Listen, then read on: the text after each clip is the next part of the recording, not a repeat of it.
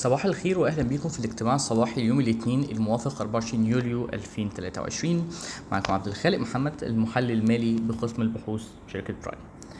في الأخبار ال macro معانا النهارده إن الحكومة المصرية أعطت الرخصة الذهبية لخمس مشاريع جديدة والمشاريع دي هيكون آه، جزء منها في قطاع قطاع الصحة والأدوية جزء تاني هيكون في قطاع علاج المخلفات جزء تاني هيكون في قطاع الأجهزة الكهربائية المنزلية وجزء هيكون في قطاع التغليف وآخر آه، وآخر رخصة هتكون في قطاع البنية التحتية وزارة التموين أعلنت إنها من المتوقع إنها تاخد قرض بقيمة 400 مليون دولار من صندوق أبو ظبي للتطوير لدعم مصر آه، لشراء القمح. الناتج المحلي الإجمالي لمصر نما بنسبة 4.2% على أساس سنوي في العام المالي 2023 مقارنة ب 6.6% في العام اللي قبله. بالنسبة بقى لأخبار الكوربت فشركة بالم هيلز اعلنت إنها أغلقت تاني توريق ليها العام ده بقيمة 472 مليون جنيه وشركة إي جي القابضة كانت هي اللي بتتولى عملية التوريق. في النتائج بقى معانا نتائج البنك التجاري الدولي هيكلمنا عنها زميلتي أماني شعبان. أعلن البنك التجاري الدولي عن نتائج الربع الثاني من سنة 2023 اللي قدر فيها إنه يحقق صافي ربح يصل ل 8 مليار جنيه وبكده يكون تخطى الرقم القياسي للأرباح الربع سنوية اللي حققه في الربع الأول 2023 الارتفاع ده كان على خلفية ارتفاع 20%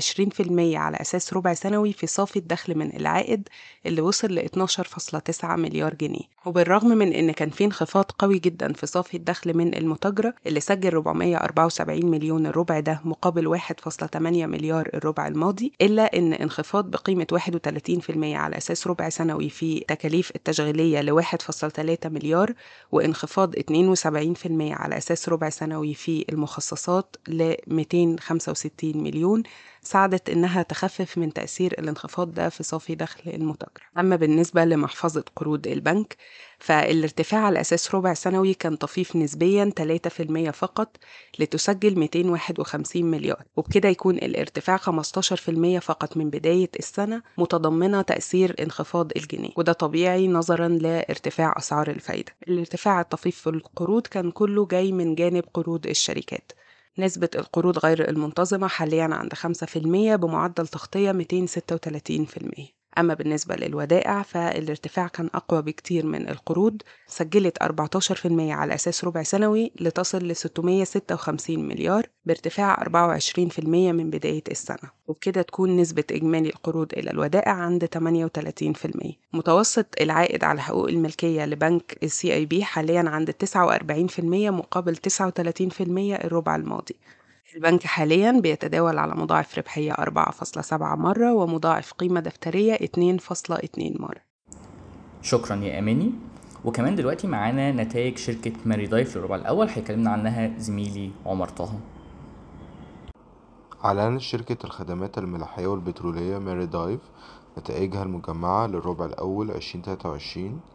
حيث سجلت صافي أرباح بلغت 8 مليون دولار مقابل صافي خسارة في الربع الأول والربع الرابع من عشرين اتنين وعشرين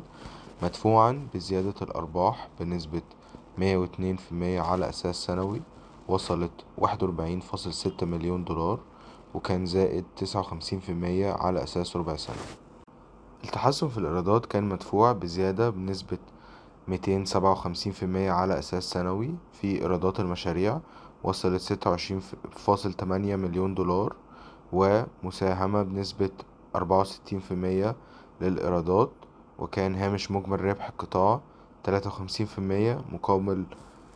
مجمل خسارة في الربع الأول من عشرين اتنين وعشرين. كان برضو مدفوع بزيادة بنسبة أربعتاشر في المية على أساس سنوي في إيرادات الإيجار وصلت خمستاشر مليون دولار ومساهمة بنسبة ستة وتلاتين في المية للإيرادات وكان هامش مجمل ربح القطاع أربعة وعشرين في المية مقابل مجمل خسارة في الربع الأول من عشرين اتنين وعشرين. شكرا يا عمر وشكرا لاستماعكم للاجتماع الصباحي وصباح الخير.